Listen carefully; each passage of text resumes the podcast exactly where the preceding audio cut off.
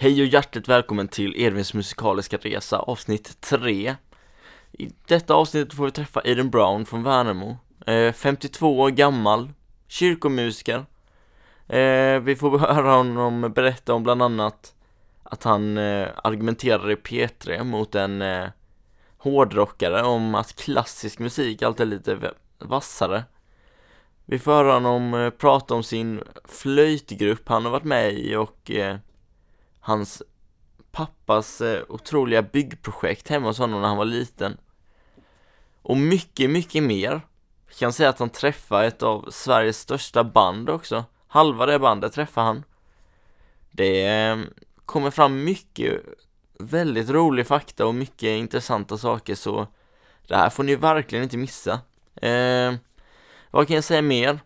Gå in och gilla er, en musikalisk resa med Edvin Grenskog på Facebook. Kolla upp Edvins musikaliska resa på Soundcloud. Lyssna på de gamla, eller gamla, gamla, de eh, förra avsnitten. Avsnitt 1 med Fredrik Grenskog och avsnitt 2 med Anton von Daunen. Och håll utkik efter det sista med Per Svensson. Det kommer bli väldigt bra det också. Eh, men nu ska inte jag sitta här och störa längre utan trevlig lyssning.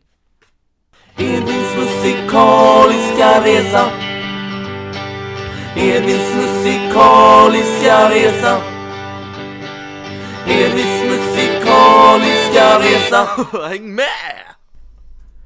Eh, vi går direkt på ämnet eh, Hur länge har du hållit på med musik egentligen? Jag har hållit på med musik, alltså som, som anställd musiker Så har jag hållit på sedan jag var 15 år gammal Oj Jag är ja. 51 idag, så det är ett antal år mm. Sen har jag alltid spelat och hållit på Sen jag var barn När började du spela? Och vad var det du började spela? Jag började spela blockflöjt Vilket låter lite lustigt Men på den tiden så var det ett inkörningsinstrument Man började med fiol eller blockflöjt Mm. Oftast om man skulle läsa piano så var det bra att man kunde blockflöjt eller fiol först Jag tyckte inte om fiol så jag valde blockflöjt Mm. Och då gick jag i fyran Och så spelade jag blockflöjt tills jag gick i sexan Då började jag spela piano Och det är piano som är ditt huvudinstrument? Nej, det är faktiskt Inte? inte det Inte? Nej, Vad är Det- det som är ditt... det är orgel Ja, Men, okej. jag, men man kan tro att det är piano som jag sitter vid pianot kanske 80% av min arbetstid. Mm. Men, ehm, men jag har, alltså min utbildning är organistutbildning. Mhm, okej. Då lärde jag mig något också. det tror jag jag kommer göra under den här intervjun. Men eh, vilka instrument spelar du? Eller vad kan du spela för någonting? Jag kan spela blockflöjt då, Mm. och piano, Mm. och orgel, och tvärflöjt. Du har aldrig försökt eh, ge dig på gitarr eller någonting? Nej, jag har alltid velat spela gitarr. Och en gång vet jag att jag hade som mål att jag skulle lära mig spela med någon slags eh, kurs via internet där man skulle lära Mm. sig tre ackord i veckan och sånt. Men jag kom aldrig dit. Min syrra spelar gitarr jättebra. Mm. Jag var imponerad av hennes spelning men eh, nej, jag, jag, jag har nog har inte haft tålamodet att sitta och lära mig ordentligt. Men det är inte Nej. kört än. Nej, nej, det är det inte. Nej, men eh, vad heter det? Så det första instrumentet du införskaffade, det var en blockflöjt då? Ja, det var ju så att när jag gick musikklasserna Mm. eh, som jag började med i fyran då. Mm. Då var det obligatoriskt att ha en blockflöjt och så Mm. spelade vi blockflöjt, eh, blockflöjtslektion varje vecka. Och då, och då var det att då hela, var vi hel klass som spelade samtidigt. Och jag märkte ganska snabbt att det var jättekul att spela blockflöjt, tyckte jag. Så jag spelade ur den här blockflöjtsboken på ett halvår. Den, var ju, den skulle vi haft ett helt år i skolan. Mm. Och så ville jag ha nästa bok och nästa bok. Och, och till slut så upptäckte jag att det fanns ju olika storlekar på blockflöjter. Så jag har i stort Mm. sett spelat alla storlekar som finns. Eh, Och det är ju ganska stora flöjter när man går upp i kontrabas och subkontrabas. Mm. Ja, man skulle ju kunna tänka sig att, att eftersom det var obligatoriskt att spela något av de instrumenten innan man kom vidare, att det var många som bara spelade för att få komma vidare. Men du fastnade för blockflöjt lite också. Ja, och det var kanske lite konstigt för att ehm, just som du säger, det var en nybörjarinstrument för att Mm. komma vidare till piano eller något annat. Och Det var ju nog inte mer än att man skulle fastna vid blockflöjt precis. Men jag blev fascinerad av eh, just olika klangerna. Sen satte jag ihop en, en grupp, en blockflöjtsgrupp på sju pers. Och vi kom från olika delar av världen, Oj. visade sig. Så vi kallades för The Playing Countries. Mm. Och gav konserter, åkte runt och vi var jätteseriösa. Ja. En av de som var med i den gruppen, han blev proffs blöj- blockflöjtist sen. Och gav konserter. Så det fanns en eh, marknad för en blockflöjtsgrupp. Ja, det gjorde det. Det var lite unikt. Mm. Det var, vi spelade mycket barock och renässansmusik och det passade Mm. bra i kyrkorna. Så det var, oh ja, vi hade gott att göra. Mm. Gott om, spelningar. Mm, kul. Men eh, för att gå vidare till ditt huvudinstrument då, orgel. Det är inte så lätt att ha hemma väl? Eller hur? eh? Nej, det är det inte. Men min pappa byggde en kyrkorgel hemma. Han Oj. byggde en elorgel i och för sig. Men det var med, Mm. exakt med, med en kyrkorgels ehm, stil. Med, med liksom, han beställde det från Tyskland. Eh, Alltihopa och byggde själv. Han var en sån där som gillar att bygga radioapparater och grejer. Så att Mhm. han gick igång på det. Jag tror att det tog honom ett år att bygga den. Oj, oj. Han lödde liksom alla ledningar och allting. Det var imponerande. Han höll på i, i garaget. Och det var, men det var ju full stor med pedal och, pedaler och alltihopa. Så att det gick att spela precis som att sitta i en kyrka. Mm. Man kunde koppla hörlurar och man kunde öva hemma i lugn och ro liksom. Ja. Ehm, vilken tid var detta då? Eh, hur Det- gammal var du då? Det här var ju, jag var ju 14-15 års åldern. Mm. Alltså 14 års åldern var nog när jag började spela orgel. Sen var det så att det fanns en eh, liten eh, kyrkolokal i det affärscentrumet där vi bodde. Mm. Det skulle varit en bank egentligen, men, men det blev en kyrka. Så det var som en stor sal och så fanns det en korridor med småkontor. Och i den stora salen fanns det en liten piporgel. Och Mm. där satt jag och repade nästan varje dag. Mm. Så att, eh, och där fick jag in en fot då i, i kyrkan. Mm. Och började då få spela på gudstjänster. Mm. Mm. Vad heter det? Det hör man ju inte på dig, men du är inte från Sverige från början. Utan Nej. Det är Från England. du är från England. Mm. När flyttade du till Sverige? Jag var åtta år gammal när jag flyttade hit. Så att hela familjen flyttade ifrån England till Sverige. Mm. Eh, Så att jag har ju bott eh, ganska länge i Sverige. Ja, jo. I och för sig. eh, men eh, när hade du ditt första framträdande för folk? Eh, Jag har en orgelspelarbok som jag fick och det var 1979. Mm. Och där stod det att det var, det var från en organist som jag kände. Och hon gav den till mig och påstod att det här var, eller gav till mig i samband med att jag spelade för första gången. Mm. Så 79 var det, då var jag ju ehm, 16 år gammal. Ja. Egentligen stämmer inte det riktigt för jag, jag började som 15-åring att spela på, på smågudstjänster så att säga. Mm, okej. Men hur hade du det med eh, nervositet och sånt? Hade du... du aldrig, har du tyckt det varit jobbigt någon gång? Eller? Ja men alltså, ehm, ja, vi pratade om det idag faktiskt i morse när vi fikade här i kyrkan. Om nervositet. Jag är alltid nervös på ett visst sätt när jag spelar. Mm. Jag har märkt att det är en väldigt positiv nervositet. Alltså jag skärper till mig, jag har kontroll, jag är väldigt fokuserad på vad jag gör. Jag är omöjlig att prata med ibland för att jag Mm. är så inne i vad jag ska göra. Och den nervositeten, den behöver jag ha. Det pirret i kroppen när jag ska spela eller leda eller vad jag ska göra. Mm. Det hände en gång att jag hade en konsert och jag inte, inte kände det. Och den konserten blev inte bra. Nämligen förra gästen så Han berättade om sin första gång och han kunde knappt röra på kroppen så han, han var helt fastfrusen Men det kanske inte blir riktigt på samma sätt heller när man sitter vid en orgel Man behöver inte ha samma kontakt med publiken som Nej, det, tyvärr har man inte det. Nej, Sen var det nog det att jag- började mina första spelningar så var jag i en kyrka som jag hade övat i ganska mycket. Mm, Jag kände människorna i kyrkan där. Så för mig var det ju väldigt naturligt. mm, Jag minns att jag gjorde en orgelkonsert en gång. Och då darrade benen så jag inte fick koll, koll, koll på dem alltså. Då var jag Mm, jättenervös. Ehm, så att visst, man kan ju vara nervös och inte ha koll på något. mm Men lagom mängd blir den bäst ja. Ja, åtminstone vill jag ha den nervositeten där jag är skärpt. Mm. Där jag känner att jag är fokuserad. Ja. Inte den som slår omkull mig, för den, den, den hjälper ju inte. Nej. Men vad var det som, du pratade om att du har spelat och hållit på väldigt länge. Men vad var det som inspirerade dig att börja med musik? Exakt, exakt vad, det måste nästan vara musikklasserna, att jag kom in på musikklasserna. Det var min pappa som tyckte jag skulle söka dit. Mm. Eller han sökte väl åt mig egentligen, men... Sen påstår ju pappa att när jag var sex år gammal i England så satt vi i en stenkyrka eh, på gudstjänst. Och att jag där hade pekat på orgeln och sagt att det ska jag spela när jag blir stor. Mm. Ehm, sen säger man ju saker när man är liten som Ja. inte alltid blir verklighet. Ja. Men på något sätt så känns det som att kyrkan och musiken har för mig alltid gått hand i hand. Och eftersom orgeln fanns i kyrkan så var det självklart att jag satt i kyrkan och spelade. Mm. Och så blev det naturligt att gå över då till, till att hjälpa till att spela i kyrkorna.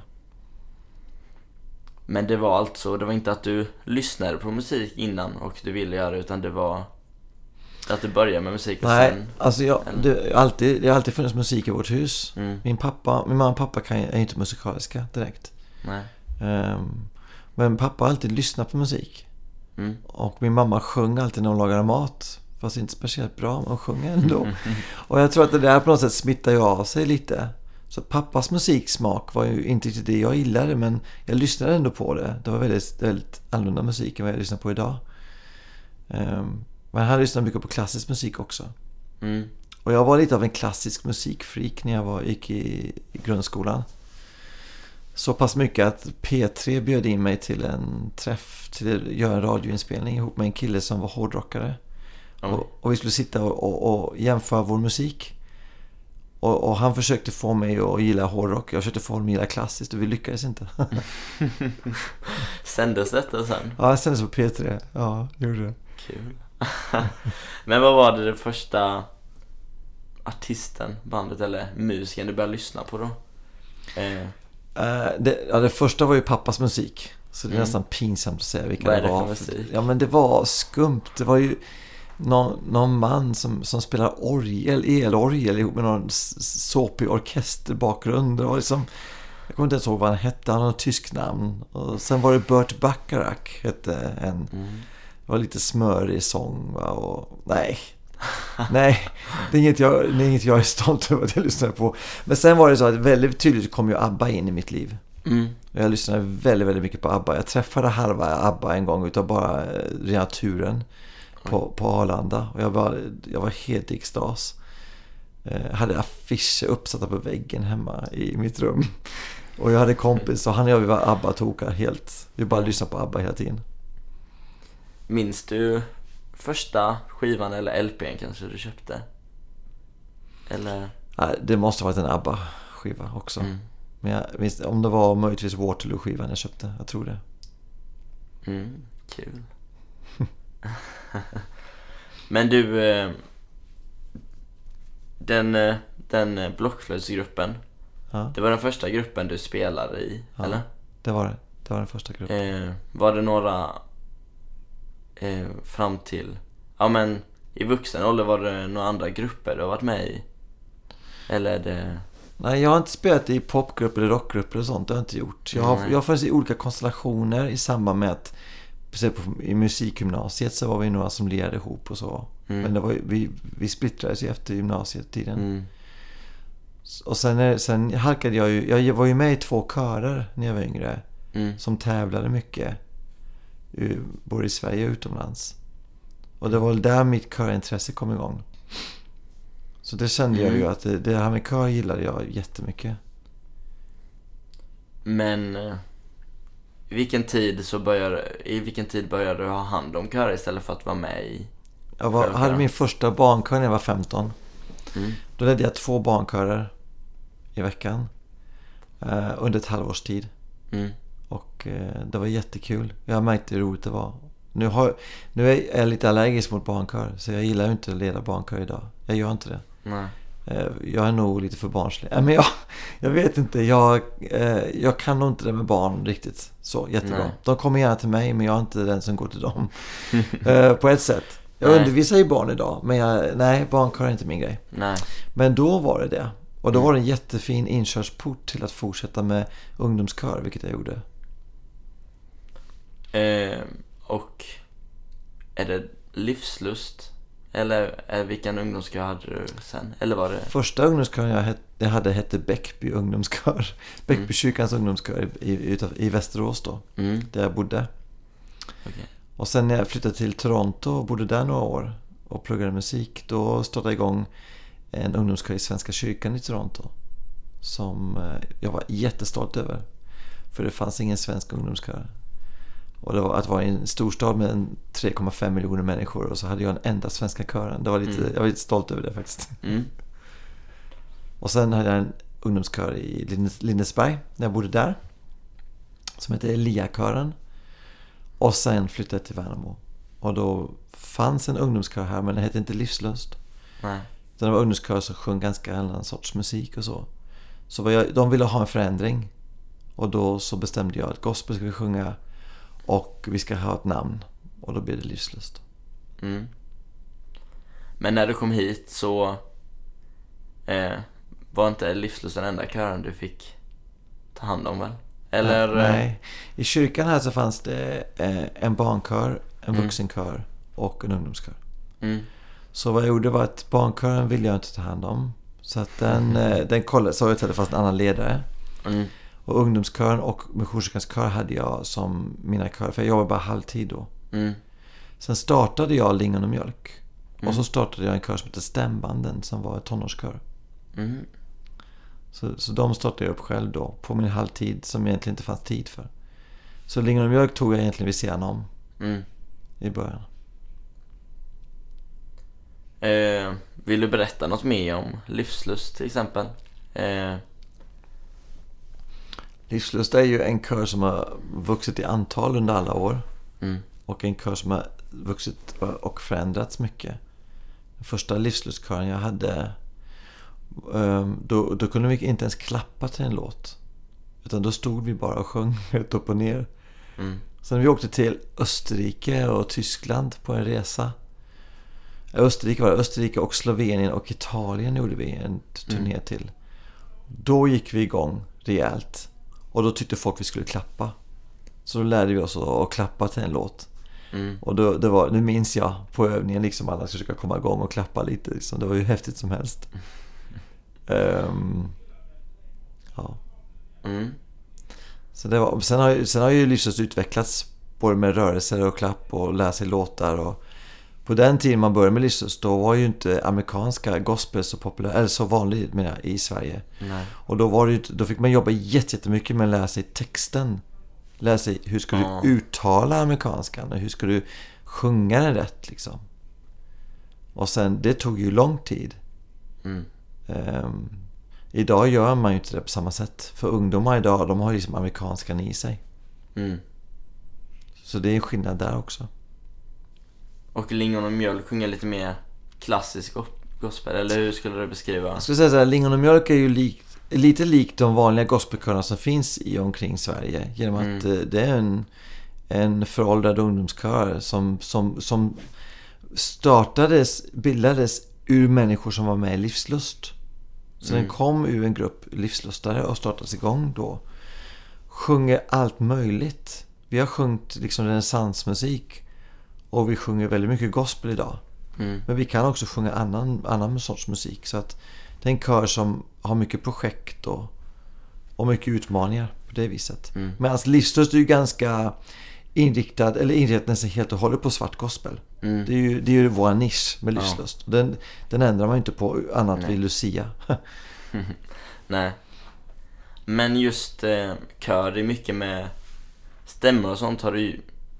Eh, när kom det in eller när lärde du det? Det var i den blockflöjtskören, eller? Blockflöjtsgruppen? Ja. Ja, ja, kanske mer att...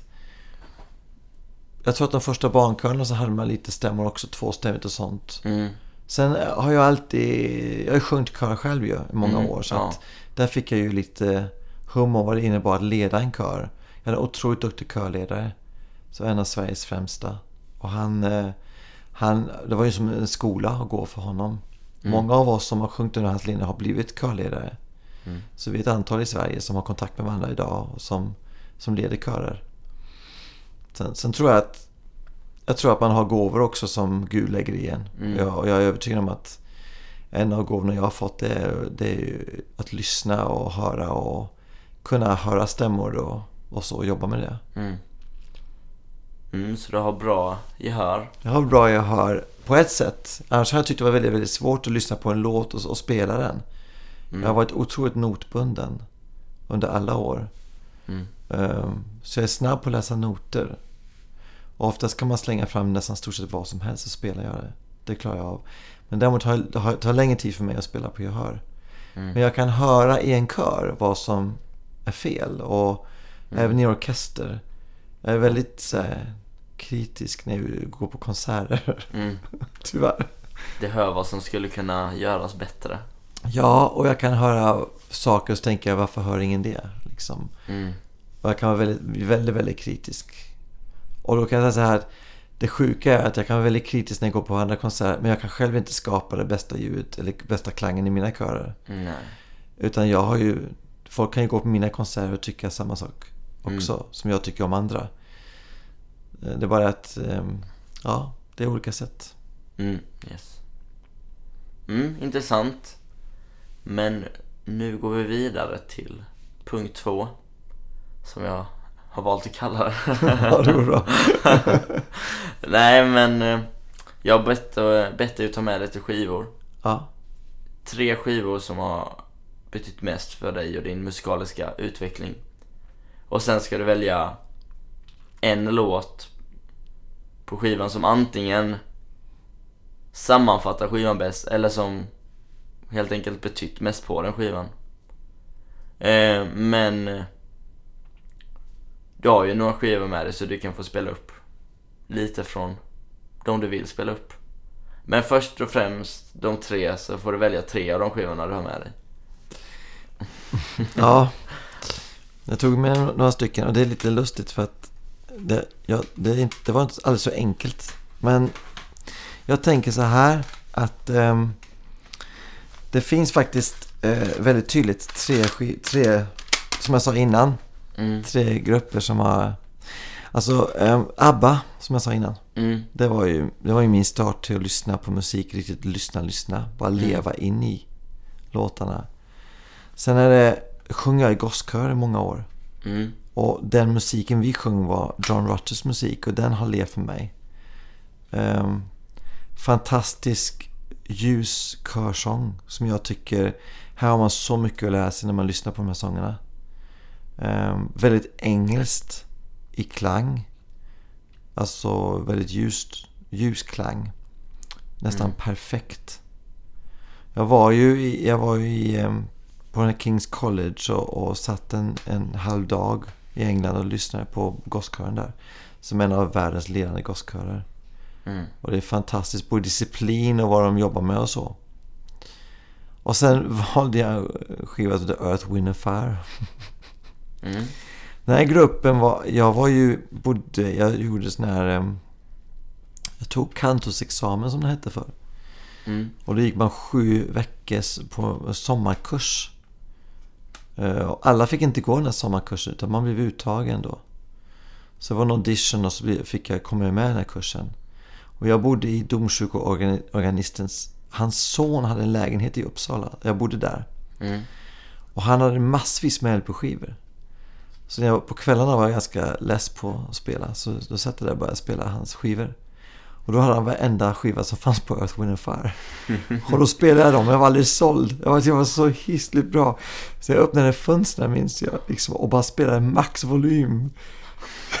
bara för att alla skulle höra hur bra det var. och det tyckte jag var bara häftigt med ja, dels sångarna men sen också det här otroligt tajta kompet. Och Mm. blåsarna som är så grymma. mm, För de, i de, nästan alla skivorna så har de ju riktiga blåsare. Utom en eller två skivor, då, då tog de synt istället. Och det Mm. var så B, för det hörde man på en gång. mm, ja, Så det är liksom tre skivor som har följt med mig och startat igång min musikaliska bana. Alltså egentligen skulle jag vilja, egentligen skulle jag vilja ta det klassiska, egentligen. ja men du får, ja men du får spela upp från varje skiva. Det får jag? Du får spela upp från varje skiva. Okej. Men eh, en låt och Ja. kanske så här en vers och en refräng. Eller Ja, inte hela låten, är bara en bit av den. ja, en bit. Du, då ska du få höra det här. Mm. Funkar det bara så här nu eller? Ja, det blir... Eh, du kan, ja, höja upp volymen lagom mycket. Nej men, eh, Hoppas det funkar nu. lite i alla fall. Nej, Så. det stämmer inte. Den vill jag ha. Så. Jag, ska se. jag brukar aldrig använda den här. Den låter ju frisk. Mm. Den här är i så fall.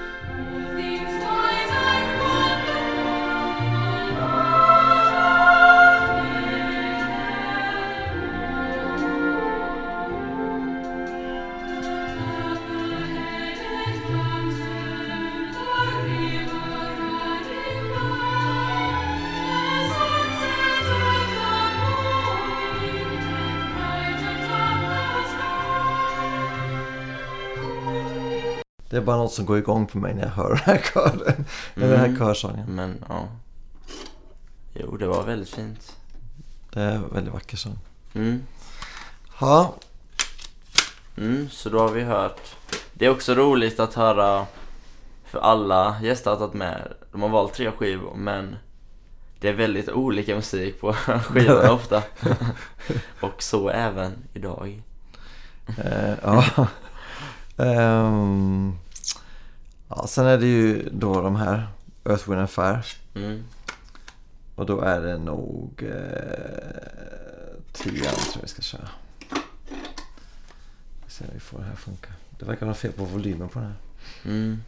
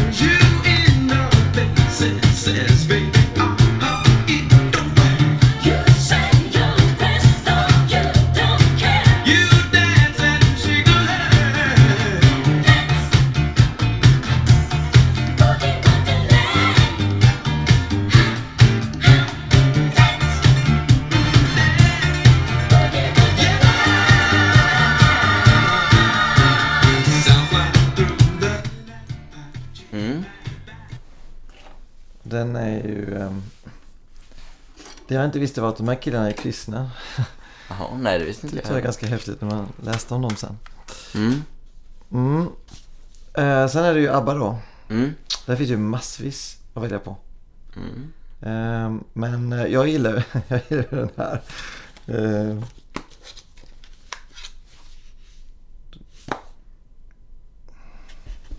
jag vet inte varför jag gillar den här. För det är ju, den är ju inte den nyaste. Eller inte den, den som de kanske är mest kända för. Men... ehm, mm.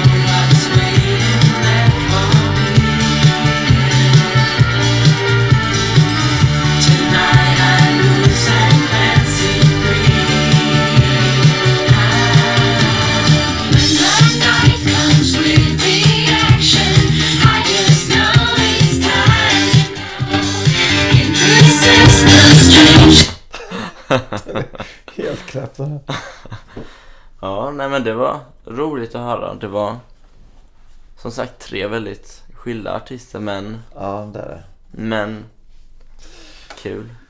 Ehm, men tror du att ditt, din musikaliska utveckling och ditt musikaliska liv hade tagit en annan väg kanske om det inte hade varit för de här artisterna eller har de, har de styrt dig åt något håll, tror du? Jag tror att ehm, absolut att Rutter, den här klassiska, klassiska, mer klassiska eh, stilen, den har ju styrt mig väldigt mycket. Mm, Att jobba med, jag jobbade väldigt mycket med klassisk musik i början.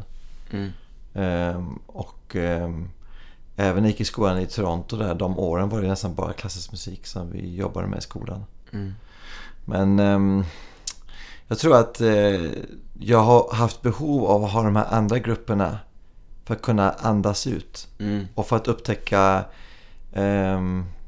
att det även finns så mycket inom gospel och inom eh, annan musik så att säga, där, som inte är klassisk. mm.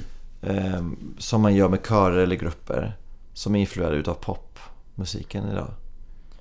Så att Ja, jag, jag, ja, tror, just, mm. ja. så jag tror att det är så. Ja. Att det, Eh, vad, jag skulle bara... Det är ju ett rätt stort hopp mellan, eh, som du pratade om, den klassiska musiken, men... Eh, och eh, den svarta gospeln. Hur kom, hur kom det sig att du kom in på den? Eller är det bara... Är det bara när du har kör, eller lyssnar du någonting på det annars? jag lyssnar jättemycket på gospel.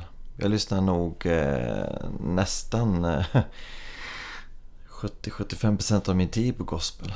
Mm, Det är så. Och gospeln älskar jag. Så det är ju, men den är ju ny för mig. Den, den kom ju den kom ju någon gång 90, 91, 92. Mm, När jag skulle börja med livslust. Då, då dök gospeln upp. Och det var ju just för att det skulle göra någonting nytt mm, här i, i kyrkan. Va? Någonting nytt för livslust, eller för ungdomskören då. Så att eh, det var ett gigantiskt hopp för mig att börja, börja intressera mig för gospel. Och då skulle du komma ihåg att då var gospeln ganska ny i Sverige. mm, Det var inte många körer som sjöng gospel slutet på eh, 80-talet, inne på 90. nej, Det fanns några körer som var väldigt tydliga. Joy Bells i Örebro var en. Och det Mm. fanns en kör som hette Koralerna som hade sjungit väldigt mycket svensk, både svensk och amerikansk gospel. mm, Väldigt, lit- väldigt annorlunda från den svarta gospeln som vi sjunger idag. mm, Men det fanns några körer som var ledstjärnor. Eh, Och det jag gjorde var att just Joy Bells, där tog jag kontakt med deras körledare.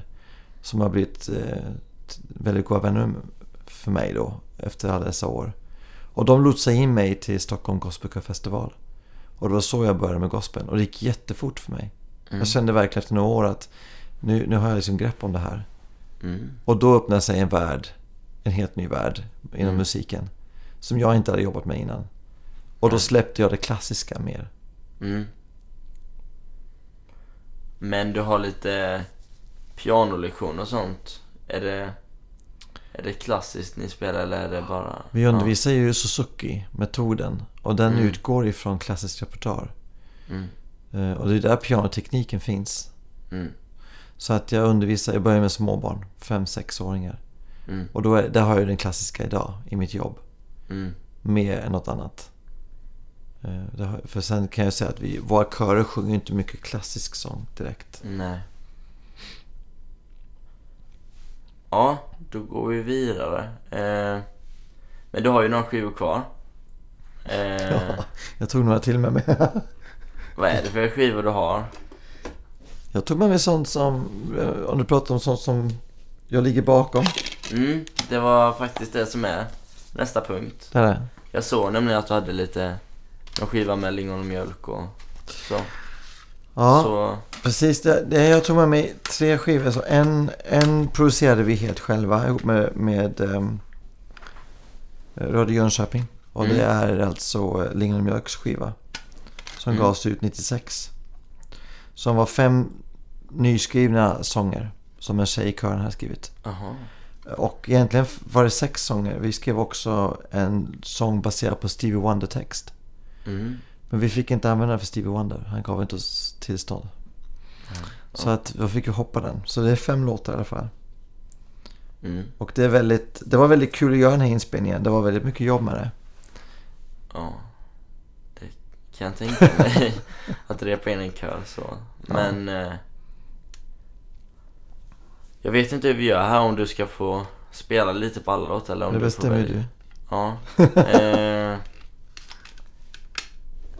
ja, nej men ja, spela lite. Spela lite på alla låtar så får jag Okej. säga stopp om det blir så. Jag kan spela en kort variant på, på den här. Vi kan se om vi får igång den här nu med rätt volym. Mm.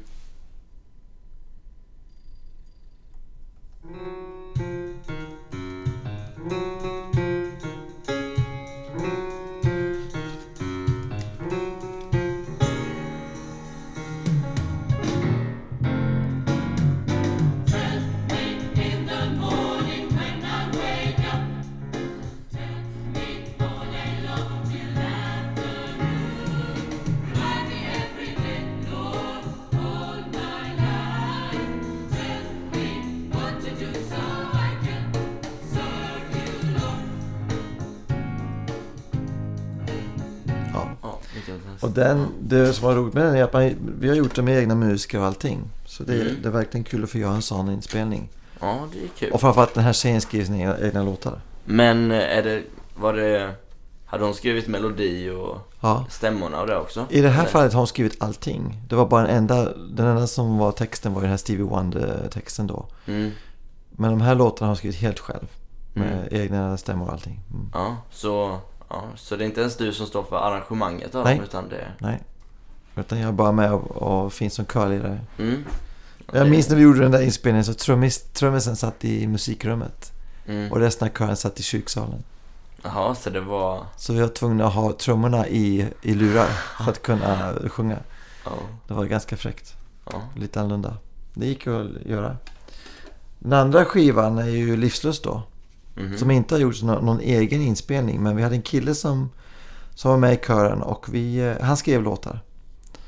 Så han var pianisten. Så att vi eh, spelade in ihop med fem andra körer i Sverige. Mhm. En, det fanns ett, ett hopplock utav The Kör Gospel. Som kom ut i början på 90-talet. Mm. Och då är vi med ihop med några andra körer från Stockholm och Västra Frölunda och Ulricehamn och så vidare. Då gör vi två låtar här. Som, Mm. Men du kan få höra väldigt annorlunda stil av vad Livslust sjunger idag. Mm. Eh, Men eh, så här, så här kunde Livslust låta på den tiden. Och då är vi alltså eh, 92, 93. Mm. Mm,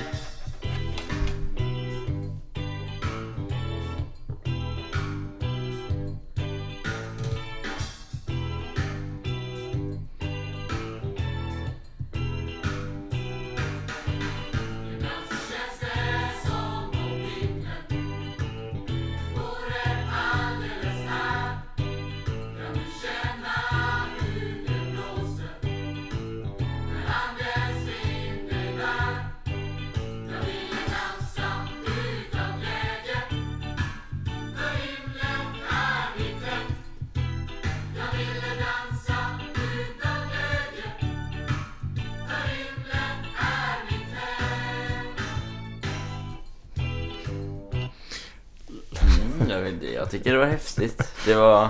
Men det är ju... det är ju stor skillnad mot hur det låter idag i Livslust. Ja, det, Men man hör att det är 90-talet. ja, det har man säkert. Sen tog jag med en skiva till. Mm. Som är lite rolig skiva för att vi var i Tjeckien och gjorde en konsert. Mm. Men det var inte livslöst utan det var en kör som jag hade i tio års tid. Som, vi hade körläger varje år som kallade vi för Strandgårdsgospel. Mm. Och den kören som var med på det lägret, vi startade igång, vi gjorde en resa med dem till, till Tjeckien. Och allting gick fel på den här resan. Både Mm. före och under, tills vi kom och gjorde konserten. Och när vi Mm. gjorde konserten så blev det en, som en hårdrockskonsert. Det var helt sjukt. För ungdomarna där hade aldrig hört gospel förut. Nej. Så de, eh, de gick igång. 500 ungdomar blev totalt tokiga i den här konsertlokalen var i. Så kören fattade inte vad som behövde hända. Och det är verkligen... ehm, ja, jag vet inte om det går. Jag har faktiskt inte spelat upp den här på jättelänge så jag vet knappt om- vilka, vad det är för kvalitet på den. Vi kan se om vi kan få igång någonting här. Mm. Ehm, helt sjukt.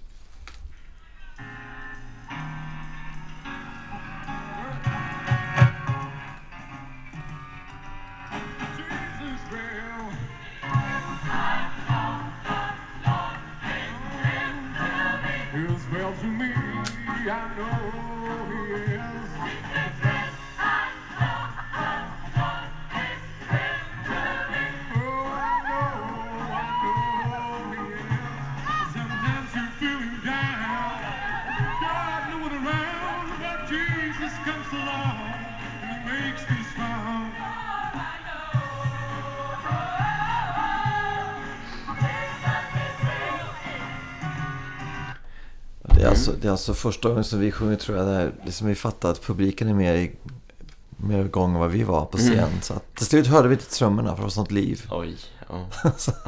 Det är sånt där minne man har. Ja, det låter som. Väldigt roligt.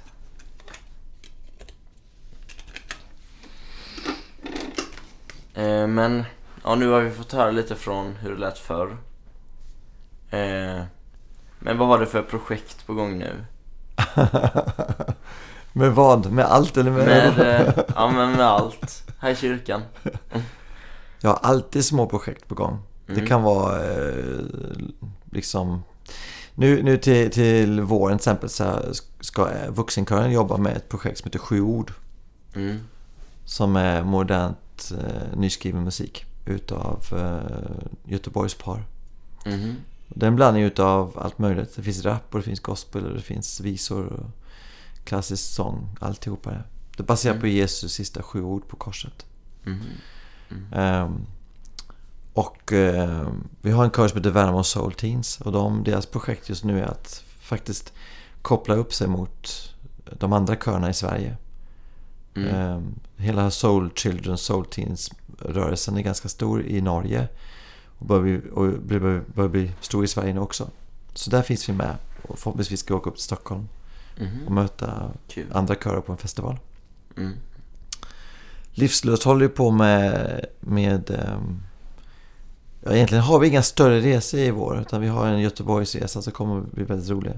Och en Mm. del konserter. Men det finns liksom bo- bortom kullen finns det en spelning som än så länge är hemlig. Om Mm. den blir av vet vi inte men vi tror det. Och sen finns det ett antal utlandsresor men vi vet inte riktigt vilket, vilket land vi ska sikta in oss på. Nej. För det finns både intresse att vi ska åka till Spanien, det finns intresse att åka till Schweiz. Och det finns eh, eventuellt en ny Tysklandsresa på gång. Mm. Så någon form av utlandsresa blir det med livslös så småningom. Mm. Så det är de projekten jag har med körerna liksom. Och sen är det ju alltid det här man jobbar ju utifrån en verksamhet där som man måste hela tiden förändra. Man kan inte sitta Mm. still och göra samma saker. Nej. Så det, jag tycker det är väldigt roligt att jobba i en församling som utvecklas. Mm. Det förstår jag. Eh. Men är det några av dem... Vad hade du för drömmar när du var ung, när du började med musik? Hade du några mål du tänkte att det här ska jag uppnå? Alltså när man är, när jag, när jag var, när jag började spela, första gången jag började spela när jag gick i, om det var fyra när jag höll på med blockflöjten och allt det där. Mm. Då skulle jag bli orkesterdirigent. Det var mitt största mål. Jag skulle liksom bli... Det fanns en orkesterdirigent som hette Herbert von Karajan. Mm. Som var ju väldigt, väldigt känd kör, eller orkesterdirigent. Jag skulle bli som honom, hade jag bestämt mig för. Mm. Och det blev jag ju inte. För att eh, jag märkte ju att det var inte den banan som passade mig. Nej. Eh, utan egentligen, egentligen handlar det om de, de här drömmarna. Jag, jag tror att man filar, man filar på de där drömmarna. Eh, jag har, inom musiken så, har, så känner jag att jag gör det jag älskar att göra idag. Mm. Och det, och det jag gör det är ju att ha, ha människor att göra. Att leda olika körer, att få vara med olika åldrar. Jag tror att körledarskapet är nog det som jag kanske vill utveckla mer och mer. Mm. Sen en dröm som, som, som kom och som vi jobbar med just nu i, i församlingen här, det är ju en musikpastortjänst. För jag började plugga teologi för drygt två år sedan. Mm. Och det fascinerar mig jättemycket. Och jag gillar, jag gillar det här med allt vad Jesu liv handlar om. Jag är fascinerad av det. Mm. Eh, och kyrkohistoria och den biten. Så att, att koppla det in som en extra dimension i mitt, mitt jobb som musiker. Det har Mm. varit utmanande och spännande. Och det har fått mig att växa väldigt mycket de senaste Mm. åren. Men jag märker att jag, blir- jag blir peppad av saker som, som händer. Utlandsresor eller, eller projekt, stora projekt eller så. Och jag ham- hamnar oftast i saker som jag kanske inte har förväntat mig hamna i. Mm. Jag, menar, jag hamnade för x antal år sedan så, så hamnade jag i en konsulenttjänst som jag jobbade i, i Stockholm. Jag var anställd i Stockholm. Mm. Och då jobbade jag fyra år med att utveckla musiken in- inom Svenska Missionskyrkan. Och då hade jag hela Sverige som arbetsfält. Och plötsligt så, så, så står jag och leder en stor kör på Skandinavium. Det hade liksom aldrig... Det hade ju inte varit någon dröm, men det var verkligen en häftig grej. Så det finns sådana här saker som... Jag tror, att, jag tror verkligen att Gud leder in mig i olika saker. Mm. Där han liksom kanske inte säger att... Ja, min dröm som orkesterdirigent. Det var nog inte det som, som var hans tanke med mitt liv. Nej. Så känner jag idag. Men eh, är det några saker du har uppnått som, som var en dröm? Jo, men alltså bara bli- att, att bli körledare för att ha sin egen kör. Det var ju en sån Mm. dröm jag hade när jag var yngre. Eh, att få jobba i en församling där det händer någonting, där det sjuder av liv. Det var också en dröm jag hade Mm. som jag uppnått. Um, så finns det alltid saker man uppnår. Jag skulle ju, jag skulle till exempel vilja eh, vara aktiv inom Stockholm Gospel. Det skulle vara jättekul att få jobba där någon gång. Göra Mm. någonting där. Det är en sån där mindre dröm jag har. Ehm, jag skulle vilja åka över till USA mer. Jag skulle Mm. jättegärna vilja åka till Chicago med någon kör. Och få Mm. vara med om det. Alltså jag har varit i New York med en kör innan. Eh, och Toronto också två gånger med körer. Men bara få åka till Chicago och få, få, få visa mina körsångare på vad svart gospel verkligen handlar om. Mm. Och få låta dem bara få andas den här fantastiska atmosfären. Det skulle jag vilja göra. Jag har ju väldigt fina kontakter nu i, i USA. eh, Med en del körledare. Jag skulle vilja utveckla dem. Så det är drömmar som finns kvar. Mm. Eh, hur länge tror du att du kommer hålla på med musik? Men musik, jag tror, Mm. musik i sig, Mm. det kommer jag att fortsätta tills jag dör. Det är jag Mm. övertygad om. Mm. Musiken kommer inte att släppa mig. Det fanns folk som sa till mig när jag pluggade. "Vad- Tänker du bli musiker? Ja, sa jag. Jag tänker bli yrkesmusiker. Och då var det många som sa till mig att ja, men ska du inte ha något annat att falla tillbaks på? Liksom, om du blir trött på musiken. Mm. Ehm, och då är det så här, jag märker att jag blir inte så trött på musik, men jag kan bli trött på att själv utöva musiken. Mm. Så jag blir trött på att lyssna på det. Men utövandet kan jag bli trött på. Och då är det så att under sommarmånaderna kan det gå sju, åtta veckor jag stänger av musiken. Alltså jag Mm. spelar, jag rör inte tangenterna på sju, åtta veckor. Och det har jag märkt att jag gör varenda sommar och jag märker hur bra det är. Och det gjorde jag, det kom jag fram till efter en sommar jag hade varit ute och turnerat med en sångerska. Och vi gjorde i stort sett hela sommaren var vi ute och, och spelade på olika ställen i Sverige. Och det var Mm. jättekul men det var fruktansvärt jobbigt. Jag blev väldigt trött av det. Mm. Så jag är någon sån som jag behöver stänga av ibland. Och då gör jag det och då får jag upp inspirationen och går igång igen. Men jag tror att jobba som musiker, det blir nog tills jag blir pensionär. Och sen exakt hur det här jobbtjänsten kommer att se ut. Om jag kommer ha en ungdomskör länge som helst, det vet jag inte. Det har alltid sagt att det beror på ungdomarna. Mm. Den dagen de inte vill ha mig som körledare, det kommer jag märka tror jag. De kommer nog ganska öppet och, och visa det. Mm. Och då kommer jag lägga ner den biten för min del. Då kommer jag inte att fortsätta. Nej. Och finns det en församling där jag jobbar i som inte vill ha mig som musiker längre, då hoppas jag de är ärliga och säger det. Mm. Och då slutar jag. Det är liksom... Jag, jag gör inte det för att förstöra för människor, utan jag gör det för att bygga människor. Mm. Om, om inte de känner sig uppbyggda utav det, då, då går jag vidare. Mm. Men musiken som, som musik, det kommer jag alltid ha. Eh, ja, vi har pratat lite om det nu i och för sig, men har du någonting du vill, verkligen vill uppnå innan du slutar som du inte har uppnått än? Eh, Nej, jag tror att det är det som jag sa innan. Ja. Det här med resa till USA, kanske lite mer... Det här med att få bara finna sig i gospelatmosfären lite, lite djupare än vad jag gjort idag. Och det här med det andliga också, utveckla det. mm, Det, det. det är de målen jag kan ha i mitt liv idag. mm, Sen har jag andra löjliga mål. Alltså jag har alltid... Jag har ju såna här mål som inte har med musik att göra. mm, Som människa. Som jag vill varje år göra någonting.